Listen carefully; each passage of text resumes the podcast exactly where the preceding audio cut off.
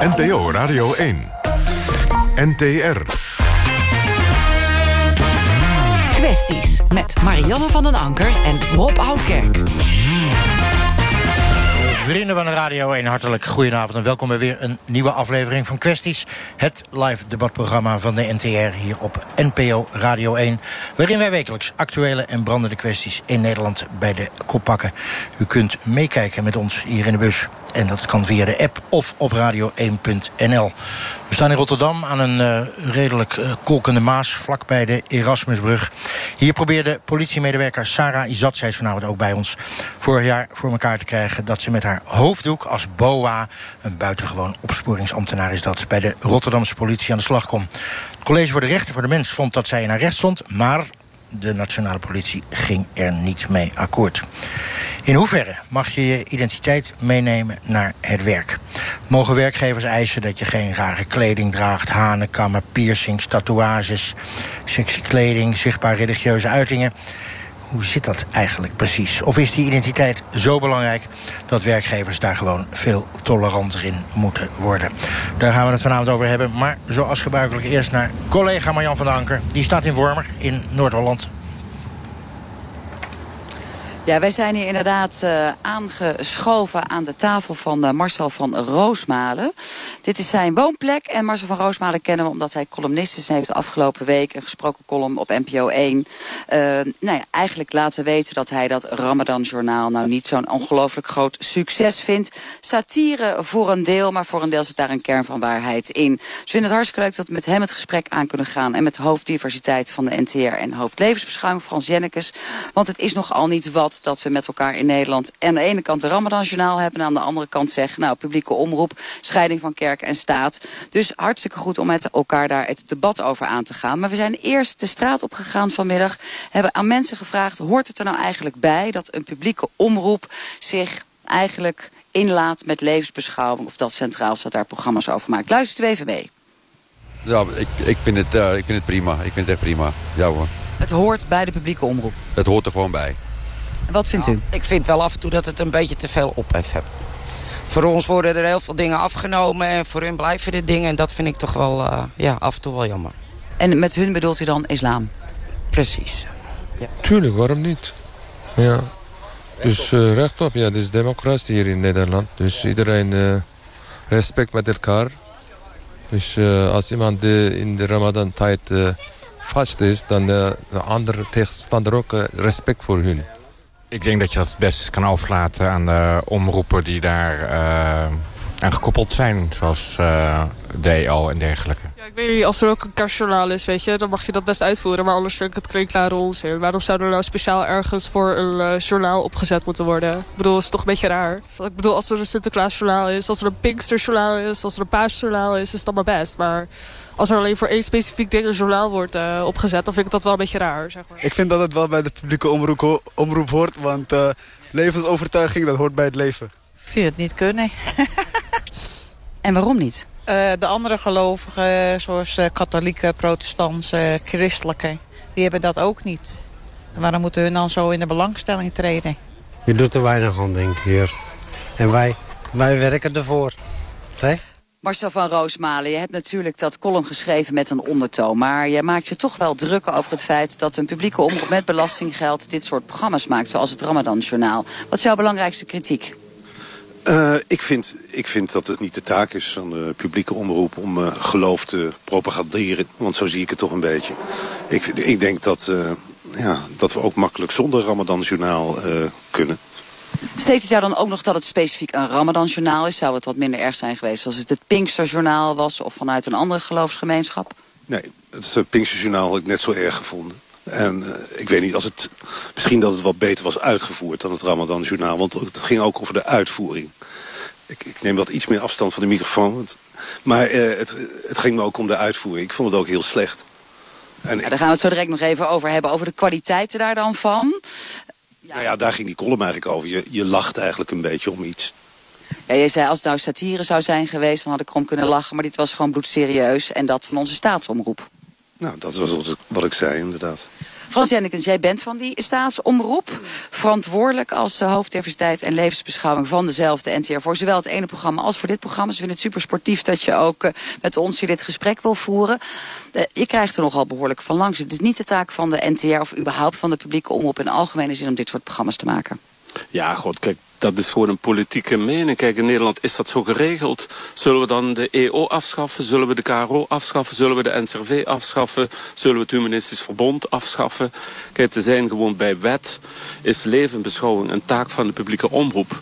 En de NTR uh, is verplicht om de programma's te maken uh, rondom het hindoeïsme en de islam.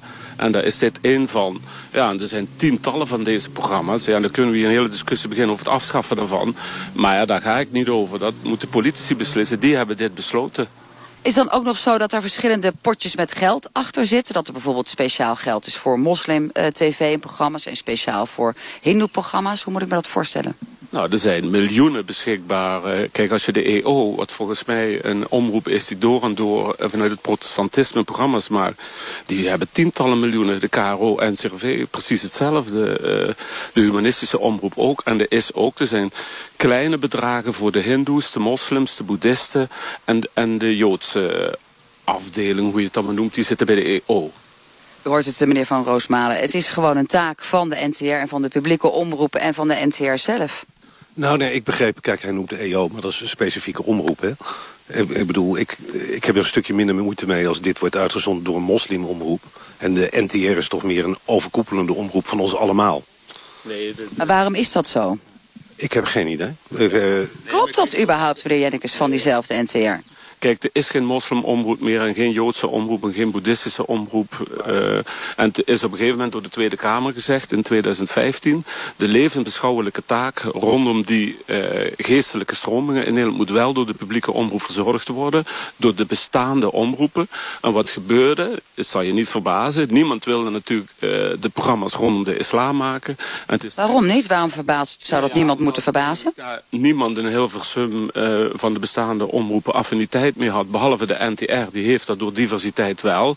Maar de NTR had zoiets, we willen eigenlijk niet alleen de programma's maken rondom de islam en het hindoeïsme. Laat ons maar al die levensbeschouwing doen. Zou juist goed zijn om dat van een openbare taak te benaderen. Ja, dat kon niet, want uiteindelijk zaten de boeddhisten bij de KRO en CRV. RKK zat sowieso bij de KRO. De, de Joodse afdeling en de ICON gingen bij de EO. En de humanisten zitten bij de VPRO, dus het werd gewoon een en al verdeel en heers. En toen zeiden wij, dan laat het maar aan ons voorbij gaan. En toen zijn wij verplicht uiteindelijk om voor de hindoes en voor de moslims deze programma's te verzorgen. Dus zegt het is ook gewoon een fait accompli. Maar Marcel van Roosman, ik zie u toch een beetje hoofdschuddend kijken. Ja, nou ja, ik geloof dit verder wel. En, uh, maar het gaat mij dan meer... Kijk, ik heb een column geschreven tegen het Ramadan Journaal. Uh, ik vond het gewoon ja, een slecht programma. En ik heb er een beetje om gelachen. Dat is eigenlijk het enige wat, wat hier gebeurd is. En ik denk dat het helemaal niemand helpt, zo'n programma. Moslims kijken er niet naar.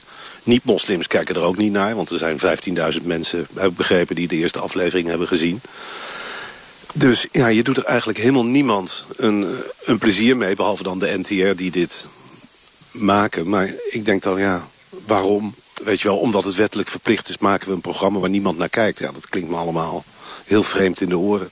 Ja, de eerste uitzending uh, van afgelopen 21 mei is inderdaad maar door 15.000 mensen bekeken. Uh, morgen staat er weer een nieuwe aflevering op het programma. Dan nog even afwachten en dan de stekker eruit? Nee, kijk, het vorige, dat is echt ook weer een ding. Die programma's worden weggeduwd. Vorig jaar zaten die programma's een half uur eerder op de zaterdagavond. Hadden ze bijna 100.000 kijkers, diezelfde uh, Ramadan-journaal. Dus, slecht, hè, voor zaterdagavond. Nee, dat is op NPO 2 voor de zaterdagavond. Er zitten documentaires, die halen daar 50, 60.000 kijkers per minuut. Dat is best goed. Is dat voor jou relevant, als er zo weinig mensen kijken... om dan nog meer te zeggen, van, ja, dat hoort aan niet thuis bij de publieke omroep... en ben niemand wordt er wijzer van? Uh, nee, maar het geeft wel... Ik, ik, heb er met verbazing naar gekeken. Ik bedoel, ik denk dat uh, zo'n programma... dat er helemaal niemand, oprecht niemand mee gebaat is. Ik denk dat je er niemand een plezier mee doet. En ik... Staat er bij de introductie op de site van de NTR zelf. Dat het een maand is, hè, die Ramadan, van solidariteit, verboedering en gastvrijheid. En daarmee biedt de Ramadan bij uitstek gelegenheid om de kloof tussen moslims en niet-moslims kleiner te maken. Dat is wel licht uh, uh, aan de orde als je dan je doel gaat behalen. Maar hoe gaat u dat behalen vanuit het idee dat een Ramadan-journaal hier bijdrage aan moet leveren? Ja, ik denk dat dat Ramadan-journaal juist uh, daar wel aan bijdraagt. Het is gemaakt voor mensen die, die niet islamitisch zijn om hun te informeren. En voor moslims om in andere landen te zien wat er gebeurt. Kijk, en dat niet gemeten wordt. Want jij roept wel, moslims kijken niet, niet voor. Hoe weet je dat? Dat weten we helemaal niet. Men weet helemaal niks over moslims in Nederland. Er zijn geen onderzoeken over, geen kijk... On, dus het is allemaal uh, wishful thinking. Dat is in mijn ogen allemaal vanuit een idee van... Uh, ja, het is wel moslims en uh, ik vind het niks. Nee hoor, de mos moslims stemmen massaal af. Dat hoor ik nu ook. Nee, maar dat is natuurlijk onzin. Er kijkt gewoon helemaal niemand. En, maar het is... Het probleem met dit programma is ook... het is, het is eigenlijk een beetje... Uh, je, helpt, je helpt er niemand mee, maar je kijkt eigenlijk ook een beetje op de doelgroep neer. Want je, wat, wat doe je nou eigenlijk? Je laat een bekende Nederlander een dagje... Vasten? Een dagje vasten. Nou ja, dat, dat vind ik altijd al een beetje... Daar word ik altijd al een beetje kriebelig van. Het is altijd hetzelfde. Ze zien er tegenop, het valt mee, ze eten lekker... en uh, de volgende dag gaan ze weer gewoon eten... En voor de rest heb je wel beelden van uh, uh, overal ter wereld hoe de ramadan wordt gevierd. Dat weten we eigenlijk al wel. Dus het gaat eigenlijk... Ik bedoel, het is ook een beetje... Het is niet verdiepend. Het is niet verdiepend, dat is inhoudelijke kritiek, meneer Jennekens. Ja, nou, daar ben ik het mee eens. Het is inderdaad ook niet verdiepend. Het zijn kleinere, kortere items die een idee geven over wat er rondom Ramadan gebeurt in de wereld. Kijk, er is niet zo heel veel nieuws rondom de Ramadan. Je kunt ook uh, Koranrecitaties doen of imams laten prediken of mensen laten bidden. Wij proberen het juist vanuit een meer open vizier te benaderen en meer mensen te informeren. Hoe, hoe gebeurt het in Soudaan of hoe gebeurt het in Turkije? Of hoe... Toch heeft uh, toch heeft uh, meneer Van Roosmalen met zijn column iets aangezet. Want volgens is er op Twitter een reactie ontstaan. Hebben mensen ook nog eens gereageerd vanuit meer de vrije liberale kant van de islam. Die hebben gezegd, ja, wat daar ook nog eens een keer in uh, Ramadan-journaal gebeurt... is dat de hele orthodoxe, stevige kant wordt getoond... en niet zoals wij ermee omgaan, namelijk veel lichter en veel easier. Is dat ook iets wat jou raakt, meneer Van Roosmalen? Nou, dat raakt me wel. Maar ik ik vind namelijk ook dat, uh, dat je best naar de inhoud van het geloof moet kijken, uh, mag kijken, om het in ieder geval niet te, te gaan verheerlijken. En dat is de indruk die bij mij wel ontstaat. Als je dat Ramazan-journaal kijkt, denk je van, goh, wat heerlijk zeg, 40 dagen vasten, wat een groot feest. En ik vind dat er ook wel wat meer aandacht voor de schaduwkanten van, van het geloof uh, dat er aandacht aan mag worden besteed. We hebben natuurlijk maar één aflevering gezien, meneer Jennekens. Dus gaat dat ook gebeuren? Gaan we in aflevering 2, 3 en 4 ook liberale moslims zien... die zeggen er is een ongelooflijke sociale druk? Wacht even, wat een onzin over liberale... Ik heb geen orthodoxe moslims gezien. Dat is zo typisch weer zo'n wit, onbewust vooroordeel... alsof er allemaal orthodoxe botten zaten. Gewoon hele moderne... En dat mensen dat die... Wie was de orthodoxe moslim die in dat programma zat? Uh, er werd geschakeld naar Istanbul, naar het uh, aftrappen van de Ramadan. Ja. Nou, dat waren toch wel middeleeuwse tafereelen die zich daar afspeelden. Ja, uh, er liep iemand, ja, nou, dan, dan moet ik daarom lachen. Want dat is ja. toch, er liep iemand met een pan door Istanbul op de pan te slaan en te roepen van... Nou, dat noem ik niet orthodox, ik noem het in ieder geval niet modern. Nee, maar dat is Als Jennings reageert. Dat is een ritueel wat, wat er plaatsvindt. Zoals bij ons uh, mensen met, met een kruis door de straten lopen als, als kerstmis is. Of, nee, maar dat is wat anders. Kijk, dat jij seculier bent en er helemaal niks mee hebt, dat geloof ik wel. Maar dit gaat om mensen die er wel iets mee hebben en die er wat meer open voor staan. Marcel van Roosmaan. De discussie hier gaat het natuurlijk over. Wordt er ook aandacht besteed aan de andere kant van het geloof? Aan... Uh, uh, aan de meer orthodoxe uh, kant, de, de, de kant van het geloof waar niet iedereen enthousiast over is. Wordt er ook islamkritiek gegeven in het Ramadan-journaal? Vraag aan Frans Jennekes. Er zitten ook mensen in die het niet zo nauw nemen of die, die, die, niet, die niet aan de, aan de Ramadan doen. kijk, het hele palet komt eigenlijk aan bod. Nou zegt eh, Boris van der Ham, oud-politicus van D66, over het Ramadan-journaal... dat het in alle uitingen vooral de door orthodoxe moslims gepropageerde... compromisloze variant van de Ramadan is. En hij kijkt er niet alleen met verbazing naar. Een aantal andere moslims zegt ook... dat steunt alleen maar het feit dat het orthodoxe goed is. Het stevige vasten en echt volgens die oude rituelen. En dat is juist niet goed. Ook niet voor de vrije moslims in Nederland. Gebaseerd, ik snap daar niks van. Dit vind ik echt allemaal... hebben die mensen überhaupt het programma wel gezien?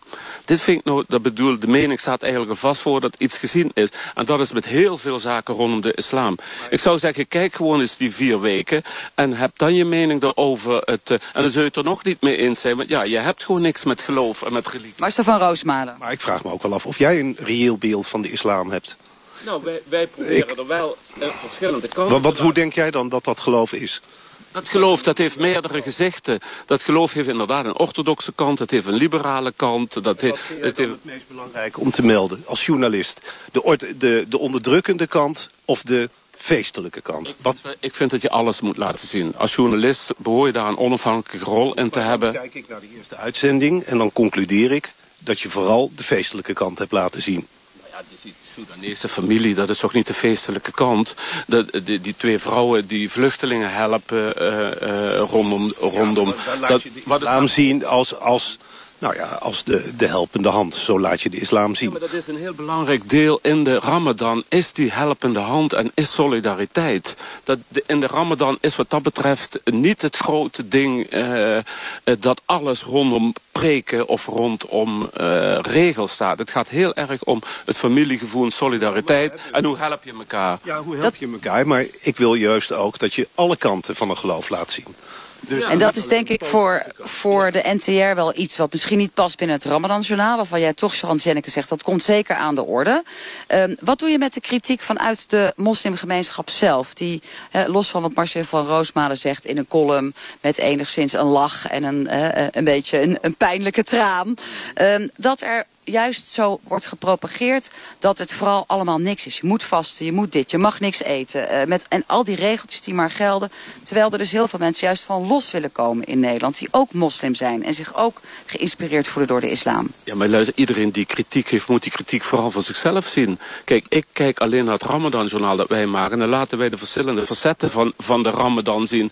Waarin mensen die dat heel serieus nemen en inderdaad veel regels doen. Maar ik snap het niet. Van de ene kant wordt gezegd, het is te vrees het is te vrolijk. En van de andere kant wordt gezegd, het is te orthodox en te veel aan regels. Kijk, dat geeft het dan precies aan. Men weet het niet en zit van, vanuit de buitenkant over een geloof van waar niks van weet, zit, zit maar een beetje iets te schreeuwen.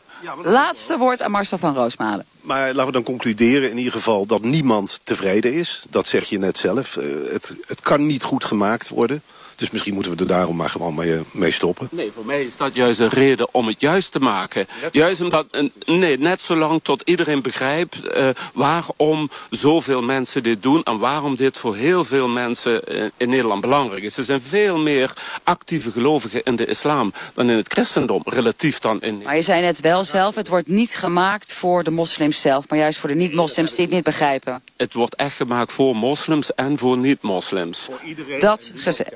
En de NTR is speciaal voor iedereen. Nogmaals, daar kan ik niks aan doen. Dan moeten ze op een beter tijdstip zetten. Dat geeft ook weer het dubbele aan. Nee, het wordt weer ergens weggeduwd. Zoiets van de, als een, als een Nederland Rob, je hoort het hier. Het gaat door. We moeten er echt uit. Wij gaan hier in de tuin van Marcel van Roosbaden nog even door. Dank, columnist, uh, voor het gebruik maken van jouw tuin en gastvrijheid. En Frans Jennekes ook. Hoofdleesbeschouwing en diversiteit. En maandag... Nieuwe uitzending. Om nummer twee.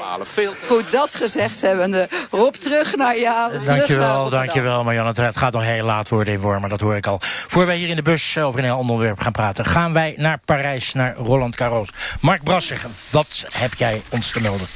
Ja, Robin Haase staat op de baan tegen de Belgen David Gauvin. Nederland-België dus hier in Parijs. 2-0 stond Robin Haase in sets voor. Toen werd hij aan het begin van de derde set werd hij meteen gebroken. Nou, verder ging het in die set op uh, service. Haase kreeg nog wel om uh, op een rebreak om de service van de Belg te pakken. Vier kansen kreeg hij daartoe, maar het lukte hem niet. En dus heeft de Gauvin zojuist uh, de derde set gewonnen met 6-4. Dat betekent nog wel dat Robin Haase natuurlijk 2-1 in sets voor staat. Maar dat de partij nog altijd niet gespeeld is, deze eerste ronde partij. We gaan door naar een vierde set. En we horen het ongetwijfeld als Robin Haase die uh, volgende set weet te winnen. Want dan zit hij in de volgende ronde. Identiteit, dat is voor iedereen belangrijk. Wat ben je nou bereid om thuis te laten als het om je identiteit gaat? En mogen werkgevers wel eisen stellen als het gaat om hoe je eruit ziet of bent?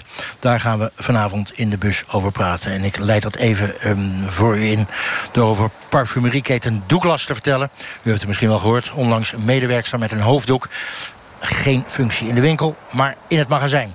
Maar die trok dat besluit terug na honderden negatieve reacties. Ook de politie in Rotterdam mocht de medewerkster die haar hoofddoek op wilde... niet aan de slag als boa. Efteling, Stadion de Galgenwaard van FC Utrecht... willen geen medewerkers met tatoeages, geen medewerkers met piercings.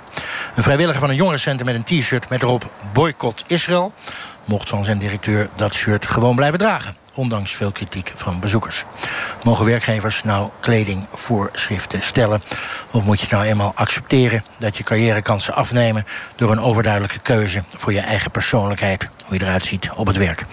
Ik praat erover met verschillende betrokkenen... als het gaat over problemen of misschien juist wel kansen door hun identiteit en uiterlijk. Uh, Kim Salas, eigenaar van een tattoo shop. Uh, beschrijf eens hoe je eruit ziet. Um, ja, ik vind mezelf eigenlijk wel normaal eruit zien. Ik heb niet echt een, uh, een heel erg uh, apart uiterlijk op het moment. Ik denk dat ik daar wel uh, naartoe ga op een gegeven moment. Want dit is nog maar het begin hoe je eruit ziet. Dit is nog maar het begin, ja. Ga ik het, ga ik het even beschrijven? Uh, want ik zit een meter van je af en het blijft radio. Piercing door je neus. En in ieder geval een hele opvallende tattoo in je nek. Die kan je ja? niet missen, tenzij je je haar eroverheen gooit. Waar, waar, waar komt de rest dan? Uh, ja, toch wel helemaal... Ja, ik denk dat ik overal wel uiteindelijk tatoeages ga nemen. En wat is dat nou? Is dat nou een leefstijl? Is dat omdat je het gewoon heel mooi vindt? Is het je identiteit? Wat is het? Ja, ik denk dat creatieve mensen um, ja, sneller daar een uh, tattoos nemen dan ja, minder creatieve mensen misschien. En um, ja, ik vind het gewoon mooi eigenlijk. Dus voor jou is het een uiting van creativiteit. Ja. Want hier op het terras bij het restaurant zitten al die mensen niet getatoeëerd zijn. Nee, wel, die zijn ook creatief. Maar heel creatief. vaak willen creatieve mensen um, dat toch tot uiting brengen. En die doen dat op dat manier, op die manier. Ja, ja vaak dus wel, een vorm van creativiteit. Maar is het ook gelijk je identiteit? Denk je, zonder die tattoos of zonder die piercing, ben ik iemand anders? Nee, ik ben altijd dezelfde persoon geweest. Of ik nou tattoos heb of geen tattoos, ik blijf mezelf. Je blijft jezelf. Uh, Nan, um, nou, ik zou jou kunnen gaan beschrijven, maar ik ga het ook aan jou vragen. Beschrijf jezelf eens, want het blijft radio, hè, dus we willen het even horen. Ik uh, sta bijna helemaal vol met tattoos. Ik heb bijna geen plek meer. Nou, op je linkerwang zie ik nog een plekje. En mijn gezicht heb ja. ik ook, ja, klopt. Ja, dat moet nog vol. Nee, mijn gezicht gaat niet vol, nee. Je hebt natuurlijk gewoon kleren aan, maar ja. onder je kleren zitten ook allemaal tattoos, piercings, et cetera. Ja. Hoeveel heb je er überhaupt? Weet je, kan je dat nog tellen? Ik, ik heb nooit geteld. Je hebt nooit geteld? Nee, het is er gewoon dat steeds. is gewoon één stuk. Oké. Okay. Nou heb jij, volgens mij, want je, bent ook piercer hè, van beroep? Ja, En daarvoor heb je in een verzorgingshuis gewerkt, toch? Ja, klopt. Um, hoe kregen ze dat daar tegenaan? Of had je ze toen nog niet? Toen had ik ze wel, ja? alleen niet in het zicht. Mijn handen had ik niet, mijn gezicht niet, mijn nek niet. Maar over het algemeen, de meeste mensen waren heel positief. En als je daar nu zou rondlopen, nu het allemaal zo zichtbaar is... kan je de reacties inschatten? Ik denk dat die oudere mensen het uh, heel mooi vinden. Dat zou ik zelf ook wel willen.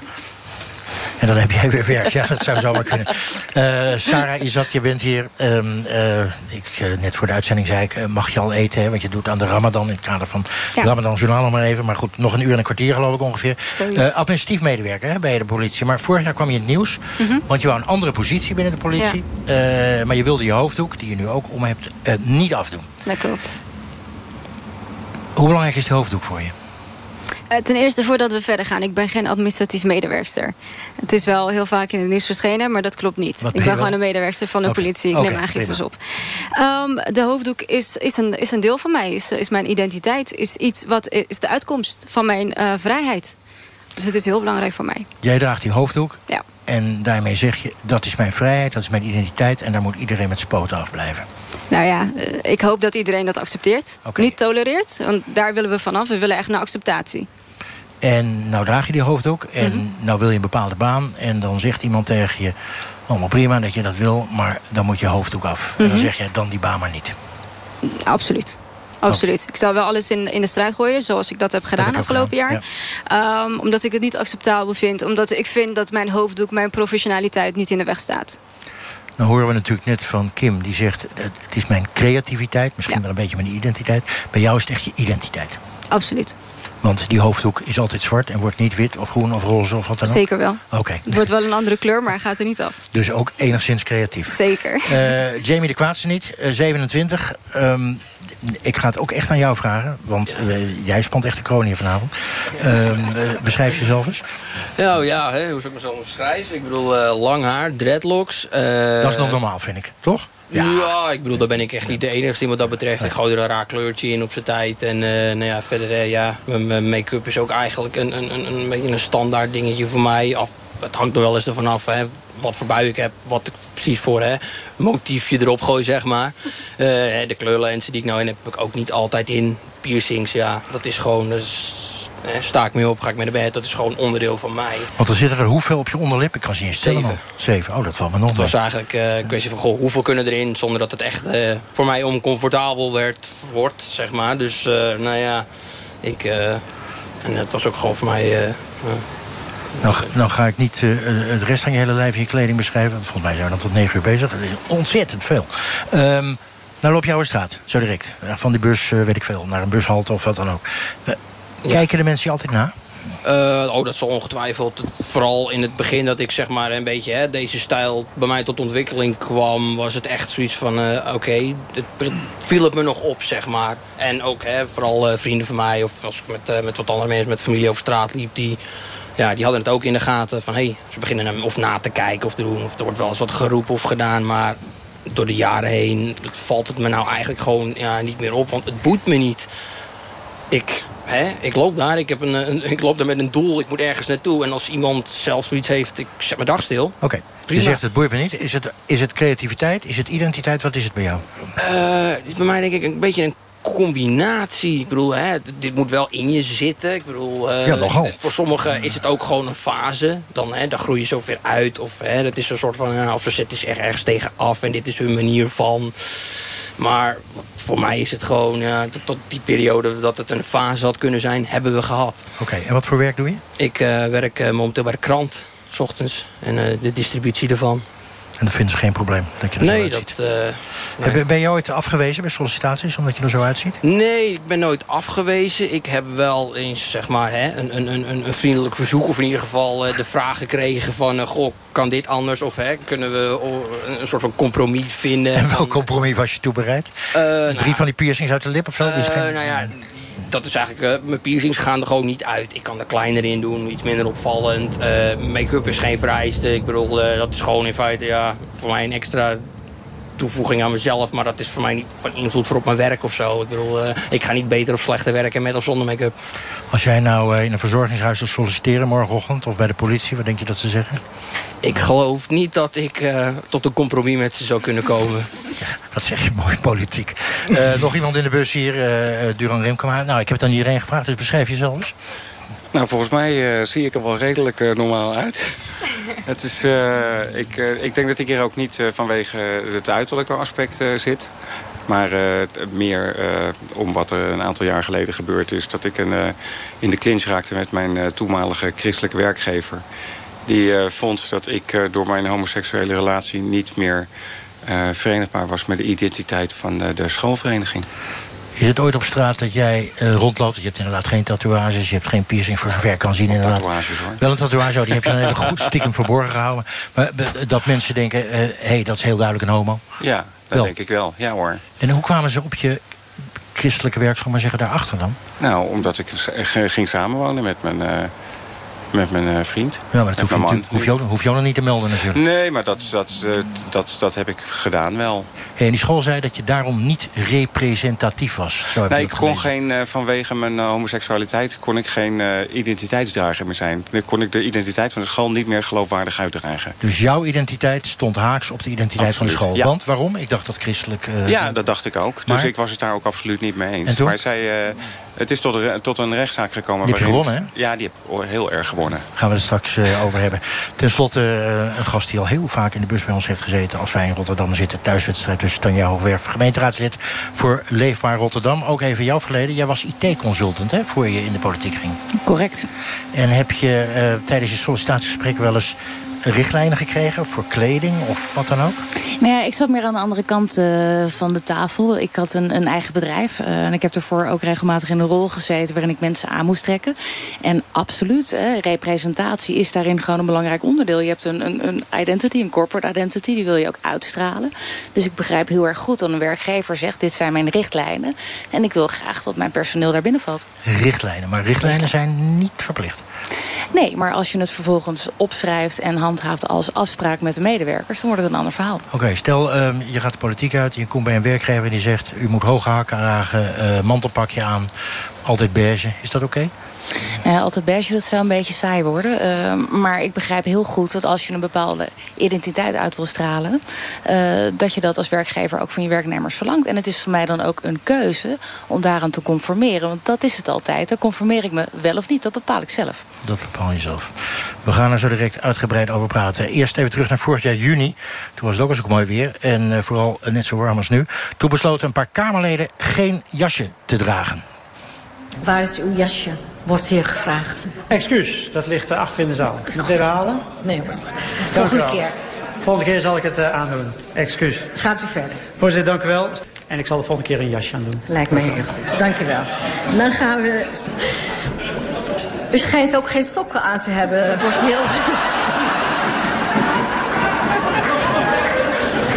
Dat heeft de heer Wilders gezien, hoor. Niet ik. Dan gaan we nu stemmen. Meneer Azarkan, u dacht meneer Faraan heeft geen jasje aan. Ik ga het ook doen. Nie nieuwe, nieuw beleid. Ik heb het afgekeken, inderdaad. Goed. De heer Azarkan. Ja, dit gaat helemaal de verkeerde kant op, zie ik. U weet waarom, meneer dat, dat hoor ik vaker als ik ergens naartoe loop. Dank u wel, voorzitter. De heer Van Menen. Ja, voorzitter, ik wil dat de heer Quint voortaan een jasje aandoet. Heel goed. Heel goed, voortaan een jasje aan. Uh, zonder jasje zie je ook die tatoeages op zijn linkerarm. Uh, Tanja je, je zit in de politiek. Is zo'n opmerking van die Kamervoorzitter, is dat nou leuk? Is dat nou, slaat dat ergens op? Wat wil ze ermee bereiken? Nou ja, het is een deel leuk, maar het is ook even een tik op de vingers. Je staat er wel als, als volksvertegenwoordiger. Um, en dat, dat vraagt ook een zeker respect voor het, hetgeen waar je mee bezig bent. En het, het zegt natuurlijk niks over uh, wat je wel of niet kan. Maar een beetje decorum uh, in zo'n zaal, dat mag best. Een beetje decorum in zo'n zaal mag best. Zijn er kledingvoorschriften in de gemeenteraad van Rotterdam? Ja, het is niet de bedoeling dat je uh, in een korte broek op slippers uh, binnenkomt. Maar iedereen bepaalt dat ook wel een beetje voor zichzelf. Want ik zeg, uh, je wil ook gewoon een beetje respect uitstralen... naar de mensen voor wie het uiteindelijk doet. En dat is waar het om gaat. Nou komt Jamie um, in de gemeenteraad van Rotterdam. Komt hij erin? Als hij solliciteert bij een partij die zegt... ik gun jou een plek op de lijst en hij wordt vervolgens verkozen. Ja, natuurlijk. En wat is dan het probleem met zo'n jasje? Ik bedoel, wat, wat is het eigenlijk het probleem? Nou, wat ik zeg, het hoeft niet zozeer een uh, probleem te zijn. Want het zegt niks over je kwalificaties. En je kan een waanzinnig debat voeren op het moment dat je gewoon in een t-shirtje met tattoos daar staat. Uh, maar het is meer, wat is de norm uh, op dit moment? Wat vinden mensen wat dat betreft netjes? en, en daar hou je een beetje aan. Dat doet iedereen met elkaar. Als je naar een bruiloft gaat, doe je dat ook netjes. Jamie, zou jij je senang voelen goed voelen in de Rotterdamse gemeenteraad? Of zou je denken, hier hoor je niet thuis? Met het uiterlijk wat je nu hebt, hè? hebben het even Oh, met het uiterlijk specifiek, ja, wat ik nu... Nou ja, voor zoiets zou ik uh, toch een beetje... Zeg maar, wel, hè, de, de, de, de, datgene waar ik dan zeg maar echt de waarde aan hecht...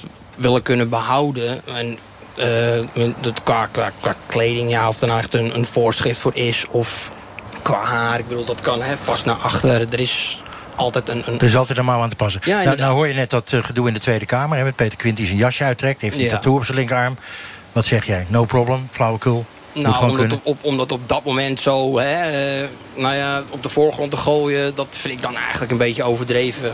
Ga naderhand naar zo iemand toe... hey, de volgende keer let er even op. Of, hè, uh... Duran? Uh, ja, ik, ik, ik, zie het werkelijk het, het, probleem niet. Tatoeages zijn zo, is het zo ingeburgerd in het, in het, in het beeld tegen, tegenwoordig. Dat is iets heel anders dan uh, 30 jaar, 40 jaar geleden. Ik, uh, Een beetje de korum vind ik inderdaad ook wel leuk. Maar om het verplicht te stellen om er zo op zo'n kinderachtige manier... wat de voorzitter deed, vond ik echt super eh, kinderachtig. Oké, we praten om 7 over half negen op deze mooie zondagavond... over de bereidheid om sommige dingen thuis te laten... als het om je identiteit gaat en je werkgever zegt... doe maar liever niet. We gingen in Rotterdam de straat op en vroegen of je je identiteit mee mag nemen naar je werk. Ik heb heel vaak eh, werk gehad waar ik mijn haar gewoon in een normale kleur moest verven of in één kleur. Ik heb ook vaak meerdere kleuren gehad. En dat was altijd, ja, was niet acceptabel. Ik heb nu ook werk en de meeste piercings moeten gewoon uit. En school ook, ja, met de opleiding wat ik volg moet ze ook uit. Ik heb best wel een excentrieke stijl van kleding. En ehm, ja, vandaar. Dus dan wordt er altijd wel een, eh, een oordeel over getrokken. Ja, meestal hele goede reacties. Heel veel mensen uh, gewoon random van, oh, heb je leuk haar, uh, leuke kleur. Er zijn ook mensen die erom moeten lachen. Maar ja, dat, dat maakt me niet heel veel uit of zo. Want het is, het is natuurlijk ook apart. Dus heel veel mensen die vinden dat ook allemaal leuk en anders. En andere mensen niet. Ja, anders zou ik het ook niet doen hoor. Als ze zouden zeggen, ja, je moet iets anders aan je haar doen. zou ik zeggen, nou dan houdt het hier op. Ga, er, ik ga me daar niet aan aanpassen. Dat vind ik raar. Ook vooral nu in 2018. We leven in een... Uh, iedereen mag vrij zijn in Nederland. Dus dan vind ik ook wel dat het kan. Nee, ik heb niet echt problemen ervaren bij het solliciteren. Maar als ik naar een sollicitatiegesprek ga, dan ga ik ook niet in deze kleding. Uh, nee, ik heb nog niet echt daar problemen mee gehad. Ik heb wel bij een baantje gehad worden met mijn neuspiercing... dat ik die niet mocht dragen op het werk. Daar moest ik hem wel uh, ja, afpleisteren, zeg maar. Uh, dat wilde ik zelf niet, want het is wel mijn persoonlijkheid, hoe ik ben. Dus dat heb ik dus ook niet gedaan. En ik ben daar, daar ook gewoon ontslag genomen. En heb zelf ander werk gezoekt, gezocht, omdat het wel mocht, zeg maar. Nan, heb jij het besef dat je jezelf qua carrièrekansen misschien beperkt... met hoe je nu getatoeëerd bent? Overal zo ongeveer? Ja. Ik ja. zou niet zeggen... Ik denk niet dat als ik nu ga solliciteren voor bijvoorbeeld sociaal-pedagogisch medewerker... dat ze mij voor een klas of iets laten staan. Neem je dat op de koop toe? Zeg je gewoon dat dat is het? Het is niet anders? Mm, ja, ik vind piercen leuk. Dus ik ben gewoon... Ik zit nu in dat wereldje, dus ik sta daar nu niet echt bij stil. Dus En stel, want hoe oud ben je nu? Ik ben 39. Stel nou, je bent 50 en je denkt... shit, ik wil die en die baan en uh, ik zit helemaal onder. Wat ga je dan doen? Dan ga ik daar gewoon voor. Dan ga je daar gewoon voor. Dan ga ik daar gewoon voor. Uh, Sarah, had je nou begrip voor het feit dat men bij de politie zei... sorry hoor, maar um, uh, die hoofddoek die moet af? Of had je er überhaupt geen begrip voor? Um, ik accepteer het wel, maar ik heb er eerlijk gezegd niet heel veel begrip voor. Nee. Tanja, mag een politiemedewerker een hoofddoek dragen in Rotterdam? Nee, nooit en te nimmer. Want? Um, je kiest ervoor om uh, jezelf te vereenzelvigen met een religie, met islam. Politie moet per definitie neutraliteit uh, uitstralen. Een klein voorbeeld. Hè. We hebben Noorden El Wali, vertegenwoordiger van NIDA in Rotterdam. Wel bekend geloof ik bij mevrouw Isat. die heeft een keertje in Buitenhof gezegd en ook in de raad. Ik stel de sharia boven de grondwet. Uh, dat is natuurlijk een gigantisch probleem als je een religie aanhoudt... die in principe zegt, jouw grondwet boeit me eigenlijk niet zo... en dan als politieagent ook nog eens zo'n wet wel moet vertegenwoordigen. Oké, snap ik, maar het is toch een ander verhaal. Het gaat nu uh, deels om uiterlijk, deels om creativiteit... hebben we nu gehoord, deels om identiteit... Um, Volgens mij was het uh, Albersberg, uh, Amsterdamse politiechef... die vorig jaar zei, ja luister eens, we hebben een enorm probleem... qua diversiteit bij de politie. Hè? Dus veel te veel blanken en veel te weinig diverse mensen. Dan zou het toch juist helpen om op die manier... ook diverse mensen bij de politie te krijgen... en dus meer in overeenstemming te brengen met hoe de maatschappij in elkaar zit. Ja, maar dat is feitelijk gezien uh, al niet de situatie. Als je kijkt naar uh, het grootste deel van de vrouwen met een hoofddoek... die kiezen ervoor om niet actief te zijn op de arbeidsmarkt. Er zijn ook cijfers die dat bepalen. Uh, je zal om een diverse korps te krijgen... denk ik gewoon heel veel geduld moeten hebben... en niet af willen dwingen, want dat zorgt alleen maar voor problemen. Sarah? Ja, nou ja, dat, dat klopt helemaal niet wat u zegt. Want ik ben hier degene juist die strijdt met mijn hoofddoek... voor meer, voor meer werkgelegenheid voor vrouwen met een hoofddoek. Dus in, deze, in die zin word ik juist tegengehouden om mij volledig te kunnen ontplooien op de arbeidsmarkt, puur vanwege mijn hoofddoek. Ja, dat is ja. gewoon niet juist. Hè. Je maakt een keuze om zelf je hoofddoek te willen blijven dragen. Je kan de functie prima uitoefenen. Dus niemand die tegen jou zegt... jij mag geen politieagent worden, jij mag niet verder groeien. Het enige wat ze van je vragen is om dat stukje stof thuis te laten. Het is dat niet, is het enige. Het is niet zomaar een stukje stof. Het is mijn vrijheid die ik op mijn hoofd draag. En bovendien gaat het natuurlijk ook... Gaat het, uh, ik ben hier om u te vertellen dat het geen onderdrukking is, mevrouw Hoogwerf. En dit is ook het wordt nu ook wel een beetje tijd om dat in te zien. En om te begrijpen dat wanneer vrouwen... Hè, het is niet zomaar een strijd die je aangaat. Op het moment dat je tegen een werkgever, tegen de nationale politie zegt... ik wil graag mijn hoofddoek dragen... dan moet je wel volledig achter je keuze staan... om zo'n statement te moeten maken. Nou, even, ik vraag het even aan jou, Sarah. Je, je hebt net Jamie gehoord. Eh, dat is geen hoofddoek wat hij draagt, dat zijn weer andere dingen. Is dat, is dat nou vergelijkbaar met, met, met zijn kledingstijl? Die hoofddoek, of zeg je, dit is totaal iets anders? Ja, nou, ik begrijp hem wel. Ik begrijp wel op het moment dat hij zegt... Hè, ik ik, ga, ik verlaat mezelf niet voor de mening van een ander. Ik geloof dat jij wel uh, heel erg met mij eens bent als wij allebei zeggen... wij zijn niet de definitie van de mening bijvoorbeeld van mevrouw Hoogwerf. Um, en ik vind, het, ik vind het heel moedig van hem dat hij zegt... ik ben... Um, ik ben niet bereid om mijn uh, piercings af te doen. Maar ik ben wel bereid om misschien een andere uh, optie of een andere mogelijkheid te zoeken. Jamie, dat betekent natuurlijk ook dat jou kan overkomen had het er eigenlijk net al zelf over. Um, wat jou ook is overkomen, Sarah. Namelijk, uh, sorry, maar uh, deze baan krijg je niet. Ja, dat hangt helemaal af, zeg maar, of het hè, een, een, een, een onder... Ja, de, de, de verklaring voor toch een fatsoenlijke onderbouwing heeft, wat mij betreft. Ik bedoel, hè, uh, als ik ergens uh, bij een, een, een werkgever kom die zegt ook... ja, met die piercings bij ons kan het niet, veiligheidsvoorschriften, noem het maar op dan hè, is het aan mij om de keuze te maken. Niet aan dat bedrijf om zich aan te passen. Want okay. ze hebben een een fatsoenlijke verklaring. Wij zegt, als er een fatsoenlijke verklaring onder ligt... dan ben ik wel bereid om dat te accepteren. Duran, moet, uh, als werknemer moet je eigenlijk bereid zijn... om je identiteit thuis te laten. Oftewel in jouw geval uh, thuis homo, op het werk niet. dat kan niet. Wauw. Hallo kinderen. Ja. Um, nee, ja, nee, in sommige gevallen kan dat niet. En, en, ik, zou het ook echt, ik zou het niet willen. Ik zou het niet kunnen en ik zou het niet uh, ik In sommige gevallen, in geen geval. Dat je nee. identiteit is toch je identiteit? Nee, maar is, zeg maar... Uh, Even je microfoon bij je mond. Sorry. Uh, be, bepaalde dingen. Ik kan me voorstellen zeg maar, als je, dat je tot een compromis komt met je werkgever... over een haarkleur, weet ik veel wat. Hè? Maar dit, dit, dit zit zo diep in je. Dit, dit, dit het is gewoon je seksuele geaardheid, klaar ja, uit. precies. Maar dan is het toch gewoon discriminatie? Nou, dat is het wij ook, moeten hier maar geen dat was homo's. toch ook? Dat maar, ja, maar ik probeer het met elkaar te vergelijken. Wij moeten hier geen hoofddoeken, we moeten hier geen piercings... we moeten hier geen tattoos, we moeten hier geen homo's. Of Ja. zitten, zitten daar nou verschillen in of niet? Ehm, ik, ik, denk wel dat er, ik denk wel dat er een verschil in, eh ja, en probeer het eens zit. te... Ehm, ik kan me wel heel goed voorstellen wat, eh, wat, wat jij zegt. Dat, dat de, Van je hoogwerf, ja. ja, sorry.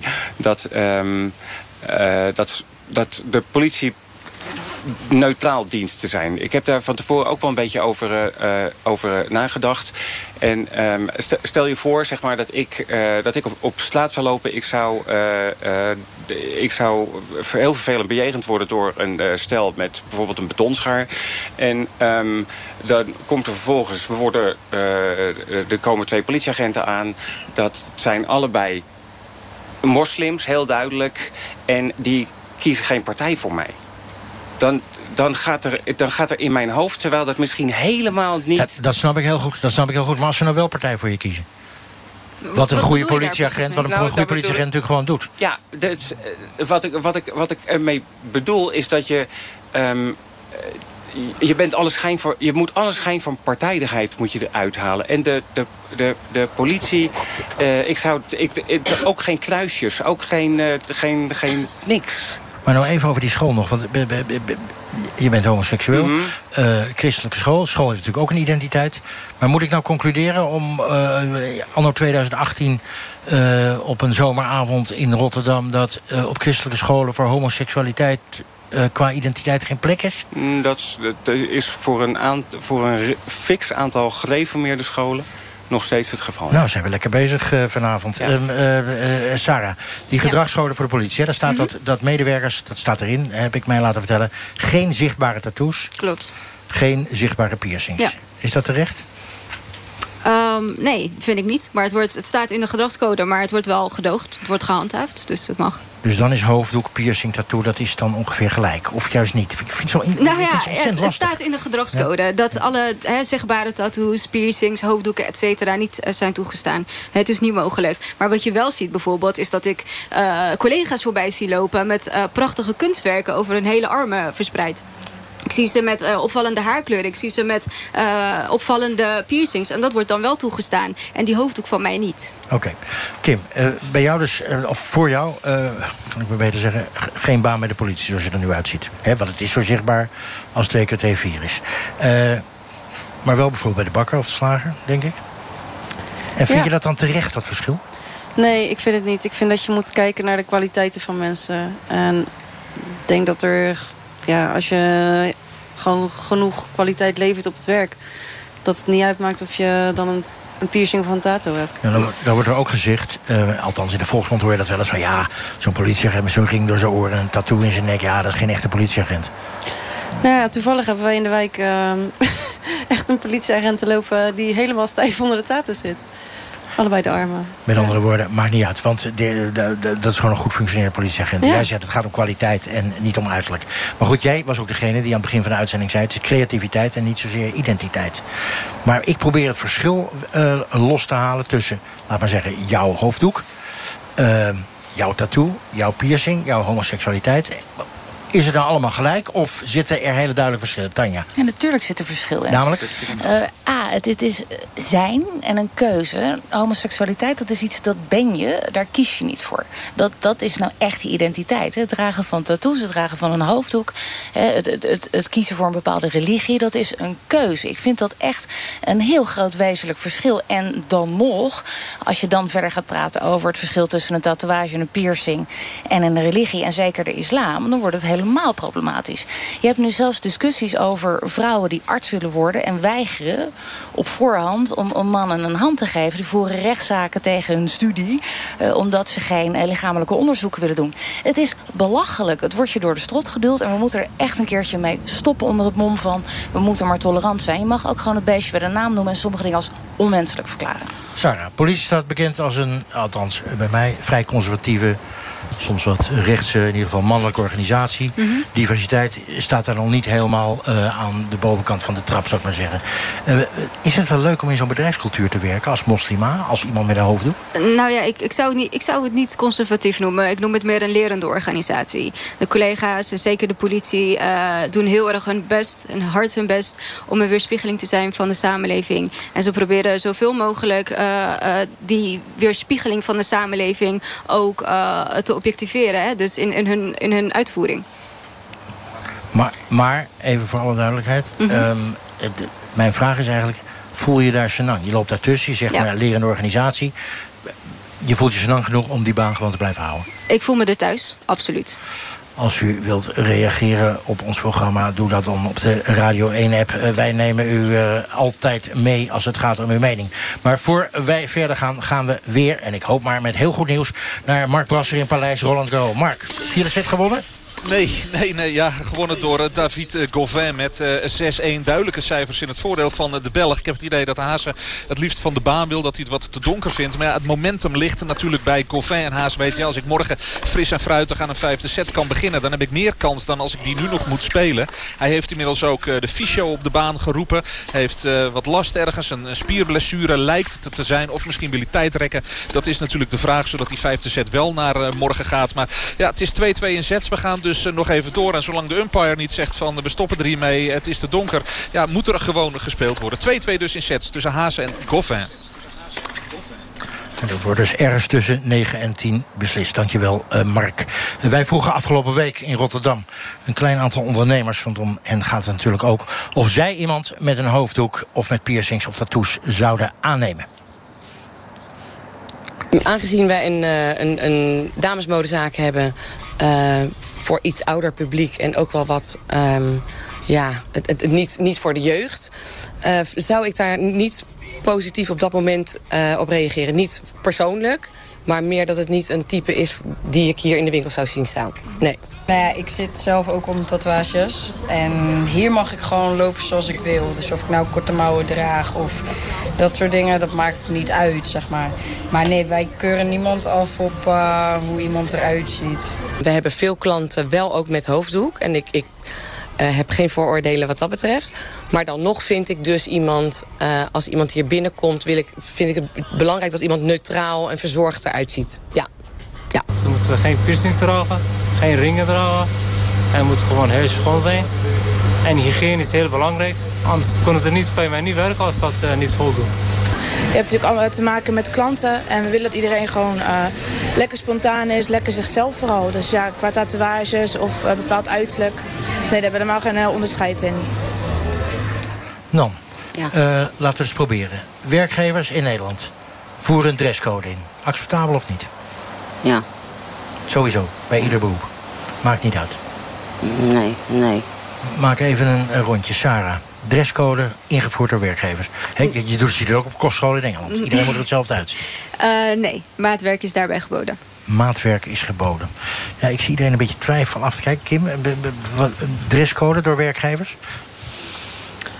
Eh, tot een bepaalde hoogte en bepaalde beroepen, denk ik. Dus niet in het algemeen. Nee, niet in het algemeen. Ik dacht, wel, Tanja, is dat eh, be- acceptabel, zo'n dresscode? Hè? Korte broek in de zomer, eh, ja, sorry, maar dat tolereren we niet. Eh, een rokje boven de knie eh, tolereren we niet. Diep decolleté niet, tattoo niet. Je, kan je indenken dat mensen zeggen... luister eens, dit is het werk. Wij willen mensen die er zus en zo uitzien. Klaar, zo doen we het.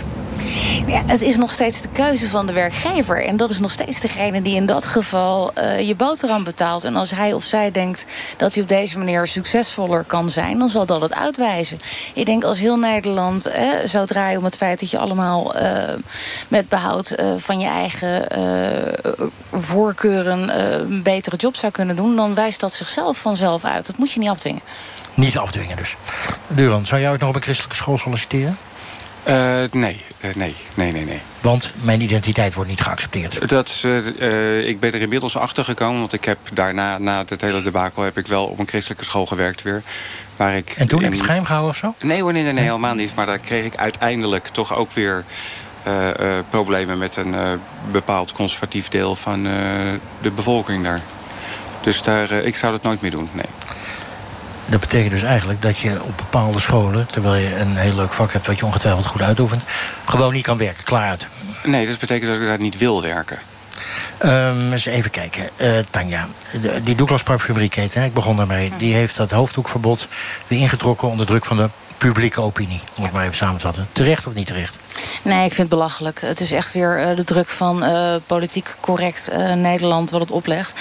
Ik vind het probleem waar Durand voor staat vind ik veel groter. Je moet gewoon als homo inmiddels in staat zijn om waar dan ook aan het werk te kunnen gaan. En zo'n stukje stof, alsjeblieft, hou op. Goed, maar als we nog niet zo ver zijn dat we dat accepteren... dan zijn we nog helemaal niet zo ver om allerlei andere dingen te accepteren. Oftewel zijn we in Nederland wel zo tolerant. Ehm, nou, blijkbaar niet. Eh, en eh, nogmaals, dan hebben we daar ook gewoon nog een grote uitdaging te gaan. En ik ga die uitdaging liever aan eh, dan de discussie. We, zijn al een keertje ontzeld. Eh, laten we niet opnieuw religie, wat dat betreft, zo'n ontzettend belangrijke plaats geven. dat we situaties als met Dura nog steeds over 50 jaar tegenkomen. Laten we er gewoon eens mee stoppen. Dan zie je bij het koor, dat is zo'n studententoestand in Nederland... dan zie je dat dames altijd precies dezelfde pakjes dragen... en heren ook dezelfde pakjes. Moeten we niet überhaupt, vraag ik maar even aan Jamie... moeten we niet überhaupt naar een, ja, naar een situatie toe... waarin je in bepaald werk, dus niet alleen maar politie met pet en uniform... maar gewoon in bepaald werk er zo ongeveer hetzelfde uitziet? Nou ja, ik bedoel, kijk, eh, wat het voornaamste, wat in mijn ogen voor een, een, een, een, hè, bij een werkgever is, hè, als ze voorschriften qua kleding hebben, dat is hè, eh, gebaseerd op of veiligheid, dus een, een bepaalde. En dan vind je het acceptabel, ja. Nou ja, dat is, hè, dat is lo- natuurlijk logisch voor de, de, de, de, ja, de veiligheid van je medewerkers, maar ook gewoon, ja. eh, wat werk wat je uitvoert moet je zo makkelijk en zo comfortabel mogelijk uit, uit kunnen voeren. Wat ik nu draag, dat is geen werkkleding. Die trek ik ook niet naar mijn werk aan. Ik heb een apart vakje bij mij. Dat is gewoon het meest simpele wat ik vinden kan. Gewoon puur voor mijn eigen gemak en het gemak op de werkvloer. Oké, maar, dan zie je- maar dan zie je ogen en je piercings in je lip... die zien er nog steld uit en je oorbellen ook. Zal niet zo uitgebreid mijn make-up doen. Hangt er van de ochtend zelf of Kijk, die piercings zitten niet in de weg voor het werk wat ik doe. Dat heeft niks met, met de veiligheid op het moment bij mijn huidige baan te maken. Nee, Dus Maar wel met hoe mensen tegen je aankijken. Eh, eh, Kim, eh, doe eens een voorspelling. Eh, over tien jaar hebben we dit soort discussies niet meer. Nee, want dan hebben mensen zoveel tattoos. Dan is homoseksualiteit zo normaal. Dan zijn hoofddoeken zo normaal. Dan is het eigenlijk allemaal klaar. Ja, we hebben natuurlijk wel... ehm, werkloosheid is... eh, je hebt het altijd wel over werkloosheid en weet ik wat allemaal. Maar als we overal moeilijk over blijven doen... dan ja, gaan we die werkloosheid ook niet terugdrinken, denk ik. Hoeveel mensen met hoofddoeken gaan er uiteindelijk bij de politie werken? Ik hoop op een eh, zo hoog mogelijke opkomst.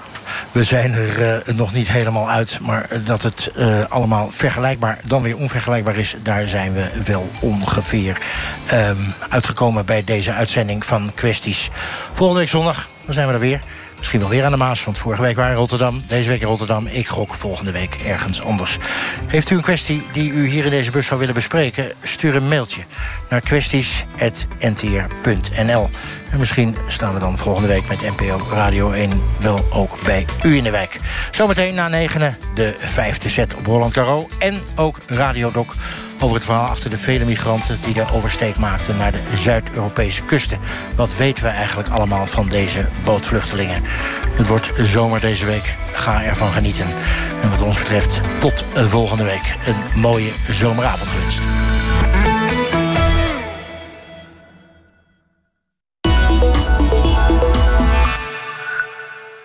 Naar de camping met Gordon.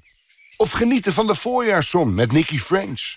Je kan het met bol.com. Want met het Kobo Plus e-book abonnement ontspan je samen met je favoriete schrijvers. Kies uit meer dan 200.000 boeken voor maar 9,99 euro per maand. Zo kun je onbeperkt lezen op je smartphone, tablet of Kobo e-reader. Ga naar bol.com en lees de eerste 30 dagen gratis. De economie van Venezuela is volledig ingestort. De bevolking is radeloos en vlucht massaal naar buurland Colombia. Er is daar een schrijnend tekort aan onderdak, aan eten en medicijnen. Hulp is heel dringend nodig. Geef, omdat hun leven ervan afhangt.